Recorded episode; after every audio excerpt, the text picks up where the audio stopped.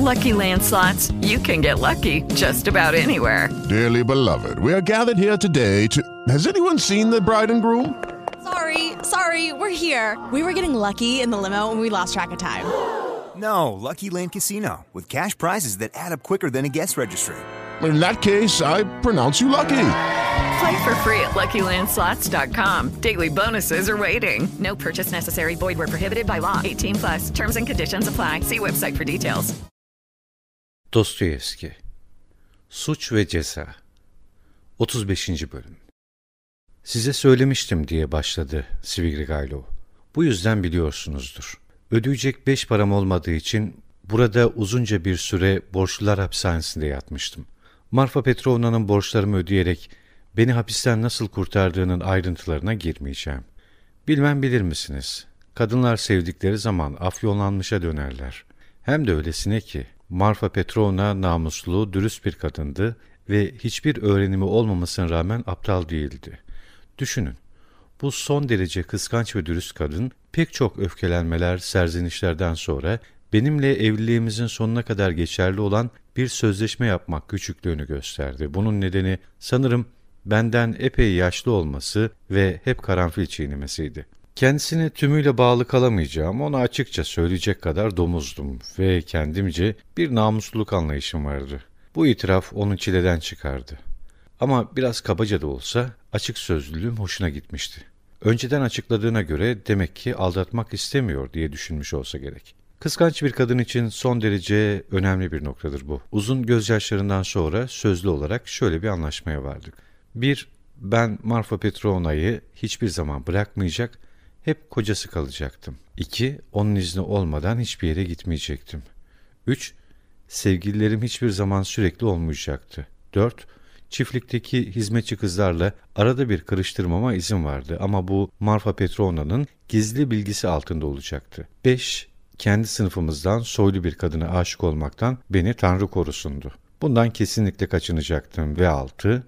Yine Tanrı korusun, büyük ve gerçek bir aşkla tutulacak olursam bunu Marfa Petrovna'ya açıkça söyleyecektim. Bu sonuncu maddeden yana içim hep rahat olmuştu. Çünkü akıllı bir kadındı ve benim ciddi bir aşka tutulmayacak kadar uçarı, zevk ve eğlence düşkünü bir insan olduğumu görüyordu. Ama akıllı ve kıskanç kadın iki ayrı şeydir ve felaket de buradadır. Kim insanlar üzerinde yansız bir yargıda bulunabilmek için her şeyden önce ön yargılarımızdan ve bizi çevreleyen insanlara ve nesnelere karşı edindiğimiz gündelik alışkanlıklarımızdan kurtulmamız gerek. Başka hiç kimsenin yargısına güvenemeyeceğim kadar güvenirim sizin yargınıza. Marfa Petrovna'ya ilişkin pek çok gülünç ve saçma şey duymuş olabilirsiniz. Gerçekten de gülünç denebilecek bazı alışkanlıkları vardı ama size iştenlikle söylüyorum, ona bitmez tükenmez bir şekilde acı çektirdiğim için gerçekten çok pişmanım. Neyse, tatlı bir kocanın tatlı karısı üzerine yaptığı bu çok nazik, ölüm sonrası konuşma yeter sanırım. Tartışmalarımızda ben genellikle susar alttan alırdım. Bu centilmence davranışım hemen her zaman karımı etkilemiş, onun hoşuna gitmiş ve amacına ulaşmıştır. Böylece karımın benimle övündüğü zamanlar bile olmuştur ama yine de kız kardeşinize bir türlü katlanamadı. Böyle çok güzel bir kızı eve mürebbi olarak sokmak cesaretini nasıl göstermişti? Ben bunu Marfa Petrovna'nın ateşli, çabuk etkilenebilir bir kadın olarak kız kardeşinize aşık olmasıyla, evet düpedüz aşık olmasıyla açıklıyorum. Avdotya Romanovna bu. Kendisini daha ilk görüşümde işin sonunun hiç de iyi olmayacağını anladım ve ne dersiniz göz ucuyla bile ona bakmamaya karar verdim. İnanır mısınız ilk adım atan Avdotya Romanovna oldu. Yine inanır mısınız kız kardeşiniz üzerine hiçbir şey söylemememden ve kendisinin onun hakkındaki bitmez tükenmez sevgi dolu sözlerini kayıtsızlıkla dinlememden dolayı Marfa Petrovna bana başlangıçta kızmıştır bile. Ne istiyordu karım doğrusu anlamış değilim. Tabi bu arada bana ilişkin her şeyi ayrıntılarıyla Avdotya Romanovna'ya anlatmıştı. Karımın aile gizlerimizi herkese anlatmak ve önüne gelene benden yakınmak gibi kötü bir huyu vardı. Bu konuda yeni arkadaşını, bu çok güzel arkadaşını hiç ihmal edebilir miydi? Bütün konuşmalarının benimle ilgili olduğu ve Avdotya Romanovna'nın bana mal edilen bir takım karanlık ve gizemli olayları bütünüyle öğrendiği kuşkusuzdu. Bu türden bir takım şeyleri sizin de duyduğunuza bahse girerim. Duydum. Hatta Lujin sizi bir çocuğun ölümüne sebep olmakla suçluyor. Doğru mu bu? Svidrigailov yüzünü buruşturdu, iğrenircesine, rica ederim dedi. Bu bayağılıklardan söz etmeyin bana.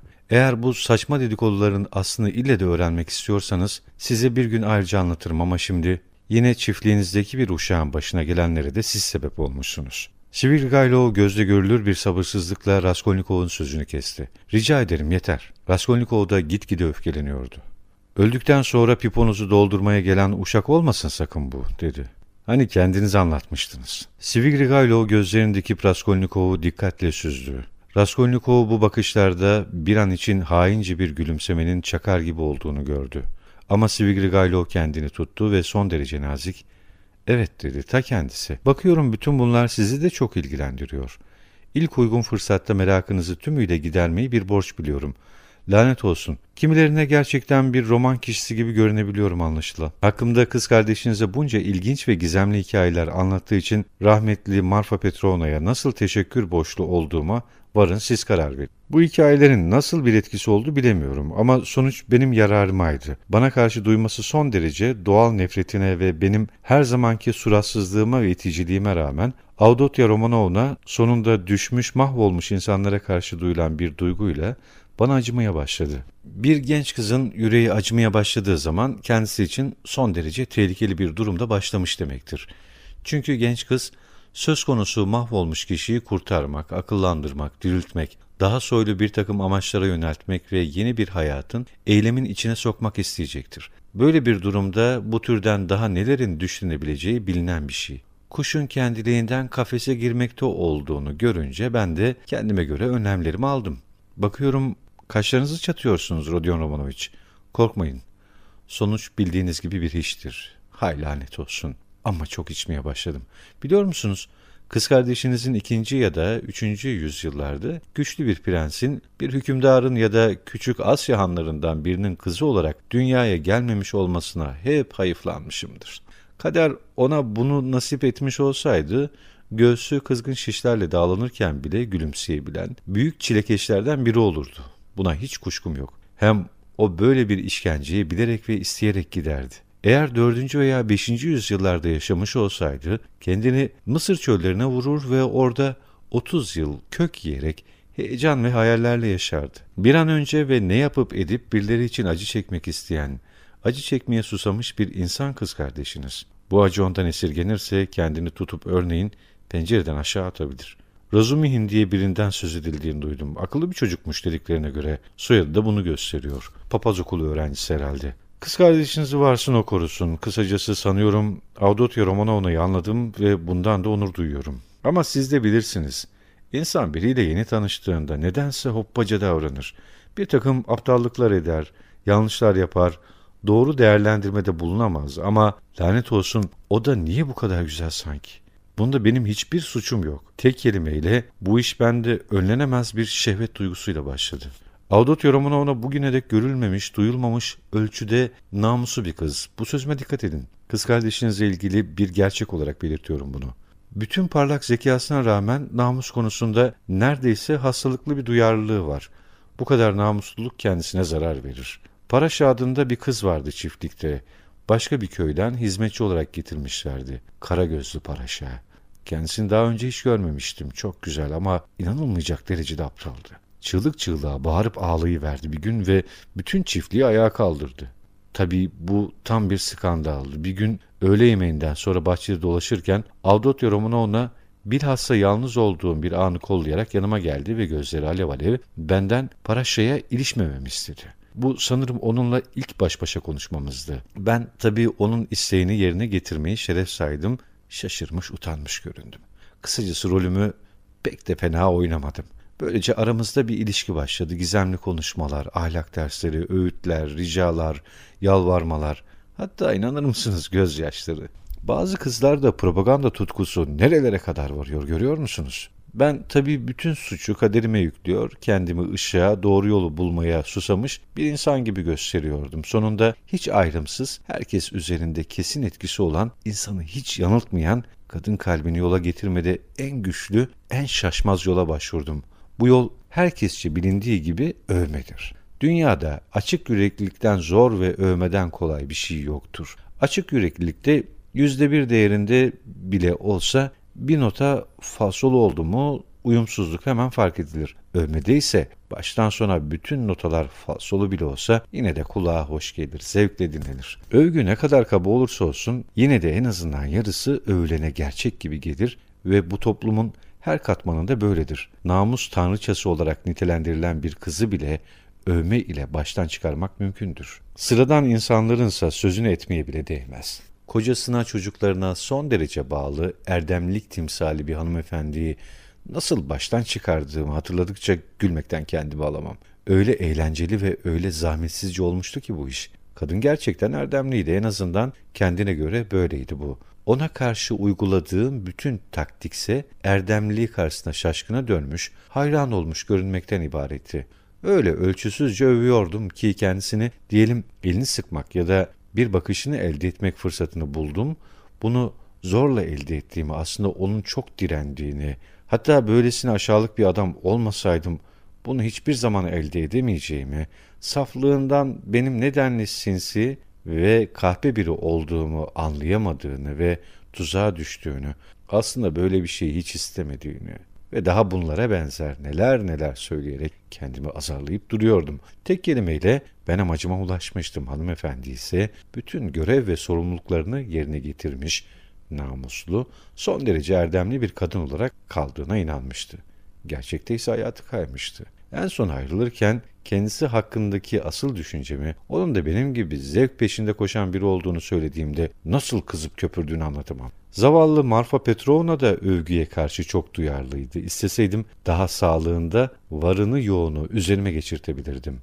Ama ben çok içiyor ve gevezelikte biraz ileri gidiyorum galiba. Aynı sonucu Audotio Romanone üzerinde elde etmeye başladığımı söylersem bana gücenmezsiniz sanırım. Ama işte aptallığımdan ve sabırsızlığımdan her şeyi berbat ettim. Bilmem inanır mısınız? Audotio Romanovna daha önce birkaç kez hele birinde bakışlarımı hiç beğenmemişti. Tek kelimeyle bakışlarımda onu önce korkutan, sonra da benden tiksindiren ve pervasızlığı gitgide artan bir takım pırıltılar görmüştü. Ayrıntılara girmenin anlamı yok. Sonunda bozuştuk. Ben yine bir aptallık ettim ve onun propagandalarıyla bana anlattığı şeylerle alay etmeye başladım. Paraşa yeniden sahneye çıktı. Üstelik bu kez tek başına da değil. Tek kelimeyle rezil bir curcunadır başladı. Ah Rodion Romanoviç, hayatta hiç değilse bir kez kız kardeşinizin gözlerinin bazen nasıl alev alev yandığını görebilseydiniz. Şimdi koca bir bardak şampanya içtim de sarhoşum diye söylemiyorum bunları. Hepsi doğrudur anlattıklarımın. İnanın bana bakışları düşlerime girmeye başlamıştı. Sonunda artık etek hışırtılarına bile dayanamaz oldum. Doğrusu acaba Sara illetine mi tutuluyorum diye düşündüğüm bile oldu. Böylesine kendimden geçebileceğimi hiç ama hiç düşünmezdim. Tek kelimeyle barışmamız gerekti. Ama artık bu olanaksızdı. Bunun üzerine ne yaptım biliyor musunuz? Gözü dönmeye dursun insan nasıl da alıklaşıyor hayret doğrusu. Siz siz olun aşırı kızgınken herhangi bir girişimde bulunmayın Rodion Romovich. Avdotya Romanovna'nın yoksul bir kız olduğunu ah bağışlayın. Bunu demek istememiştim ama aynı kavramı dile getirecek olduktan sonra ne fark eder sanki? Tek kelimeyle emeğiyle geçindiğini, annesine ve size baktığını düşünerek hay aksi bakın yine yüzünüzü buruşturuyorsunuz. Benimle birlikte hiç değilse buraya Petersburg'a gelmesi için kendisine bütün paramı vermeyi önermeye karar verdim. Ben o sıralar 30 bin ruble kadar para çıkartabilirdim. Tabi bu arada ölümsüz aşk ve mutluluk yeminleri edecek ve bu türden daha bir sürü şeyler söyleyecektim. İnanır mısınız o sıralar ona öylesine kapılmıştım ki eğer bana Marfa Petrona'yı boğazla ya da zehirle sonra da benimle evlen deseydi hemen o an dediğini yerine getirirdim. Ama sizin de bildiğiniz gibi bütün bunların sonucu bir felaket olurdu. Marfa Petrona'nın Lujin denilen kahya bozuntusu aşağılık herifi bulup da Avdotya Romanovna ile evlendirmeye çalıştığını öğrendiğimde nasıl kudurmuşa döndüğümü tahmin edebilirsiniz. Böyle bir evliliğin benim önerimden en küçük bir fark olacak mıydı? Sorarım size olacak mıydı ha? Bakıyorum beni büyük bir dikkatle dinlemeye başladınız.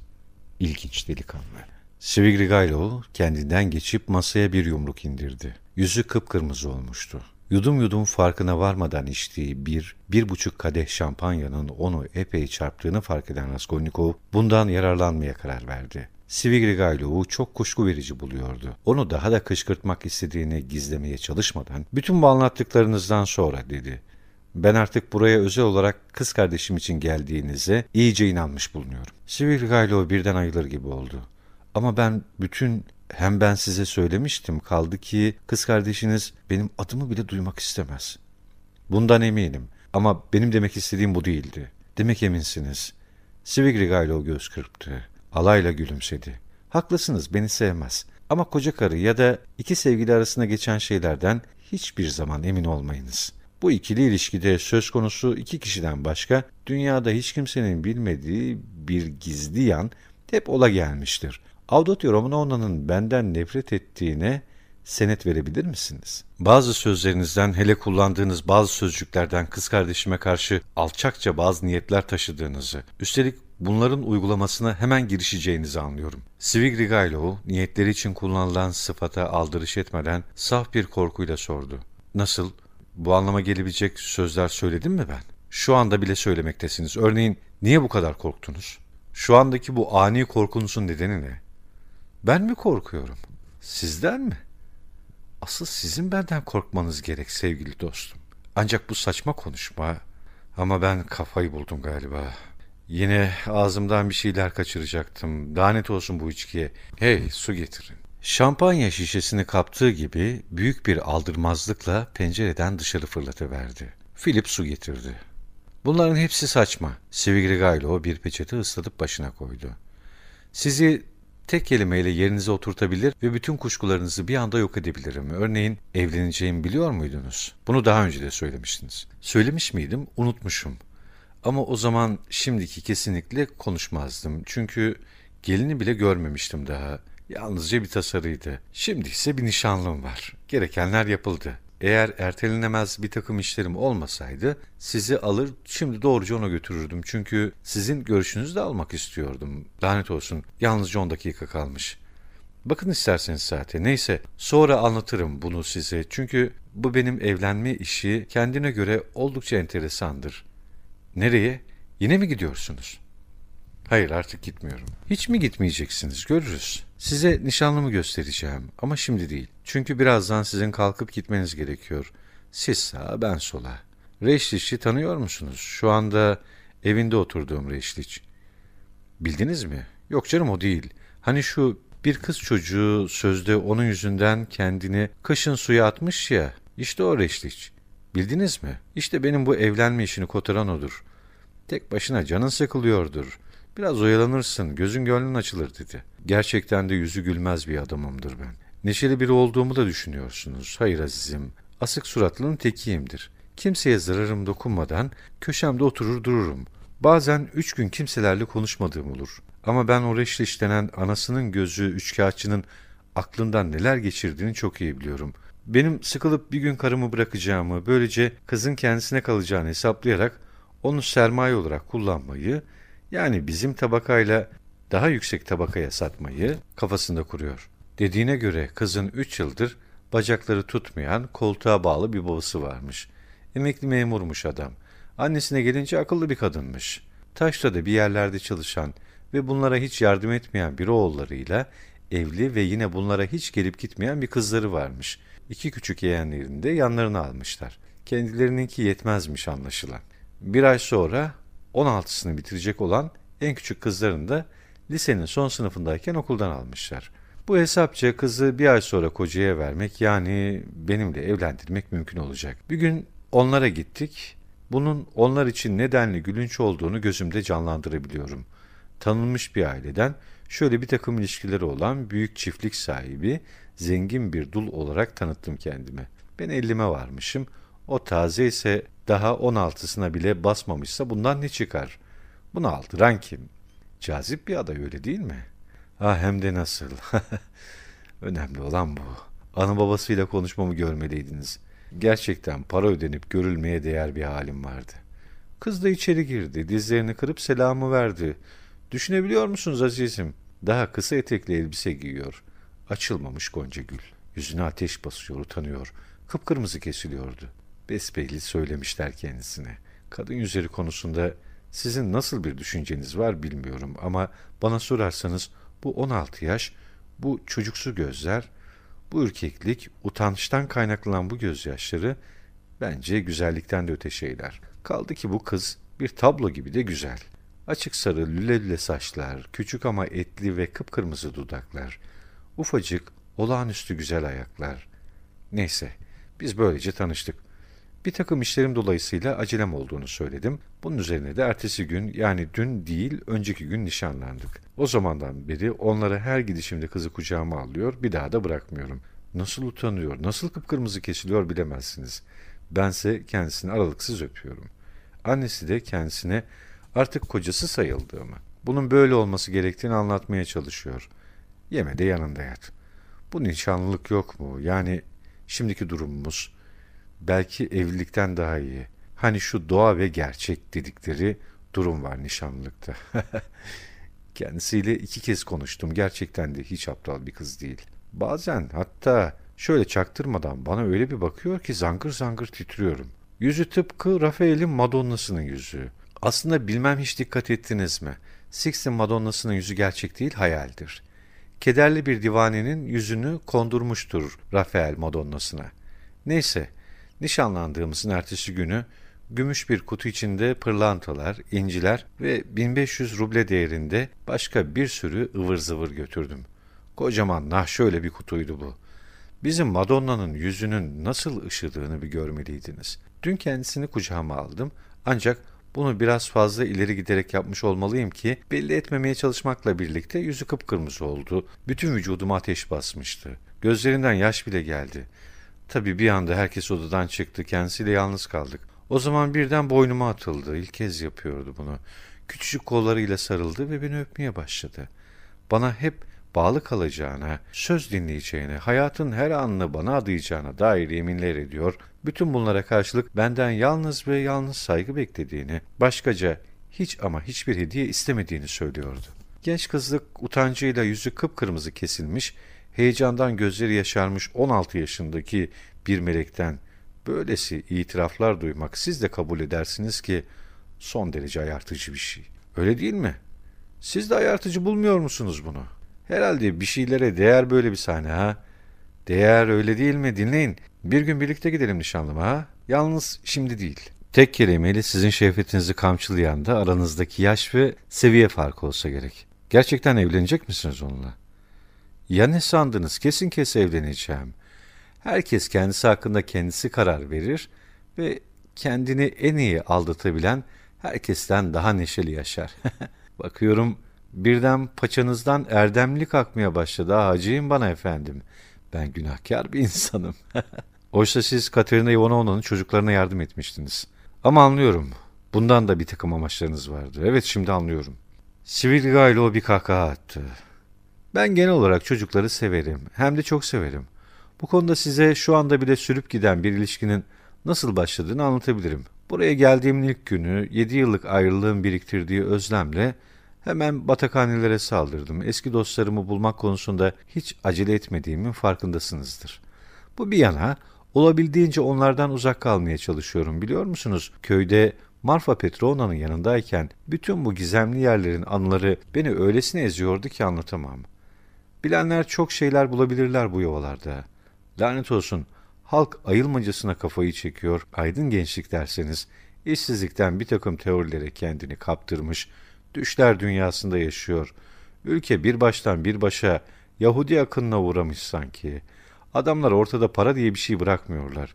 Geri kalanlarsa kendilerini zevk ve eğlenceye vurmuşlar. Rezil bir hayat sürüyorlar. Bu kente daha adımımı attığım anda burnum hemen o bildi kokuyu aldı. Sözüm ona danslı programlardan birini izlemek için batakhaneye gittim. Rezil bir yerdi. Ama ben batakhaneleri bilhassa pislikleriyle severim. Tabii kankan dansı vardı ama eşi benzeri görülmemiş bir kankandı bu. Bizim zamanımızda bile böylesi yoktu. Doğrusu iyi ilerleme sağlanılmış bu alanda. Birden 13 yaşlarında çok zarif giyimli bir kızın bu işlerin ustası bir herifle dans ettiğini gördüm. Karşı karşıya duruyorlardı adamla. Kızın annesi de duvarın dibinde bir sandalyede oturuyordu. Bunun nasıl bir kankan olduğunu gözünüzde canlandırabilirsiniz. Kız kıpkırmızı kesilmişti, utanıyordu. Sonunda bunu bir hakaret kabul ederek ağlamaya başladı. Adam kızı yakaladığı gibi döndürmeye ve gösteri yapmaya başladı. Salonda herkes gülüyordu. Ben halkımızı hatta kankancı halkımızı bile böyle anlarda pek severim. Oh olsun. Böylesi gerekti. Ne diye çoluk çocuğu getirirler böyle yerlere diye bağırıyorlardı. Söyledikleri mantıklı mıydı yoksa kendi kendilerini mi avutuyorlardı? Benim bu umurumda bile değildi. Hemen ne yapmam gerektiğini tasarlayıp doğruca kızın annesinin yanına gittim. Benim de taşralı olduğumu, buraların insanların çok görgüsüz ve kaba olduğunu, gerçek değerleri ayırt edip onlara gerekli saygıyı göstermesini bilmediklerini söyleyerek paralı biri olduğumu sezdirmeye çalıştım. Kendilerini arabama davet ettim, evlerine götürdüm. Bir oda kiralamışlardı kendilerine. Petersburg'a daha yeni gelmişler. Böylece tanışmış olduk. Kadın benim tanışmamın kendisi için de kızı için de şeref olduğunu söyledi. Bu arada beş parasız olduklarını ve Petersburg'a bilmem hangi dairede, bilmem nasıl bir işi izlemek için geldiklerini öğrendim. Kendilerine hem para olarak hem de hizmet olarak yardımda bulunabileceğimi söyledim. Bu arada o batıkhaneye orada dans dersleri veriliyor sanarak düştüklerini öğrendim. Genç kızım Fransızca dil dersleriyle dans dersleri konusunda kendilerine yardımda bulunmayı önerdim. Önerimi heyecanla karşıladılar. Bunun kendilerine yalnızca şeref vereceğini söylediler. İşte böylece başlayan tanışıklığımız hala sürüyor. İster misiniz onlara da gidelim ama şimdi değil. Kes artık şu bayağı hikayelerini aşağılık herif. Alçak şehvet düşkünü. Şu Erdem de nerelere yuvalanmıyor. Biliyor musunuz bağırışlarınızı duymak için size bilhassa böyle şeyler anlatacağım. Büyük bir zevk bu doğrusu. Ona ne şüphe diye homurdandı Raskolnikov. Şu anda ben kendi gözümde de gülünç bir duruma düşmüş bulunuyorum. Svidrigailov katılıcasına gülmeye başladı. Filipe seslenip hesabı dedi. Masadan kalkarken bayağı sarhoş oldum gevezelik yeter dedi. Büyük bir zevk doğrusu. Raskolnikov da ayağa kalktı. Evet büyük bir zevk. Sizin gibi gözünü şehvet bürümüş bir zevk ve eğlence düşkünü hele anlattıklarına benzer korkunç bir takım niyetleri de varsa ve hele hele bunları şu içinde bulunduğumuz koşullar altında ve benim gibi bir adama anlatıyorsa nasıl olur da zevk almaz? Öylesiye zevk duyar. Raskolnikov'u bir an süzen Svidrigailov oldukça şaşırmış. Eğer bu böyleyse dedi, o zaman sizde utanmak, arlanmak diye bir şey yok. En azından esaslı malzemelere sahipsiniz bu konuda.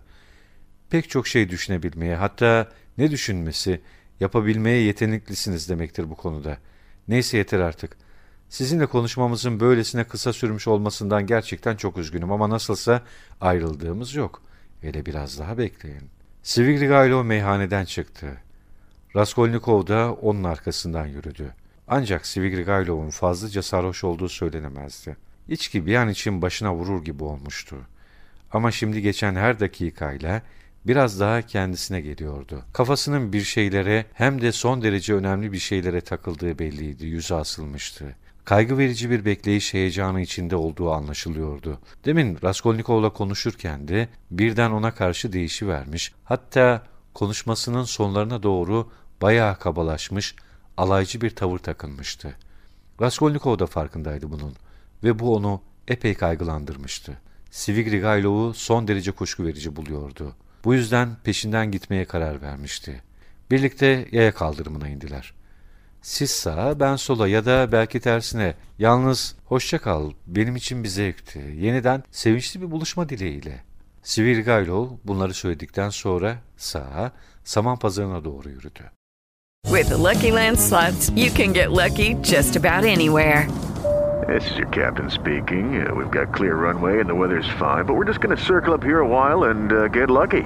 No, no, nothing like that. It's just these cash prizes add up quick. So I suggest you sit back, keep your tray table upright, and start getting lucky. Play for free at LuckyLandSlots.com. Are you feeling lucky? No purchase necessary. Void where prohibited by law. 18 plus terms and conditions apply. See website for details. 35. bölümün sonu.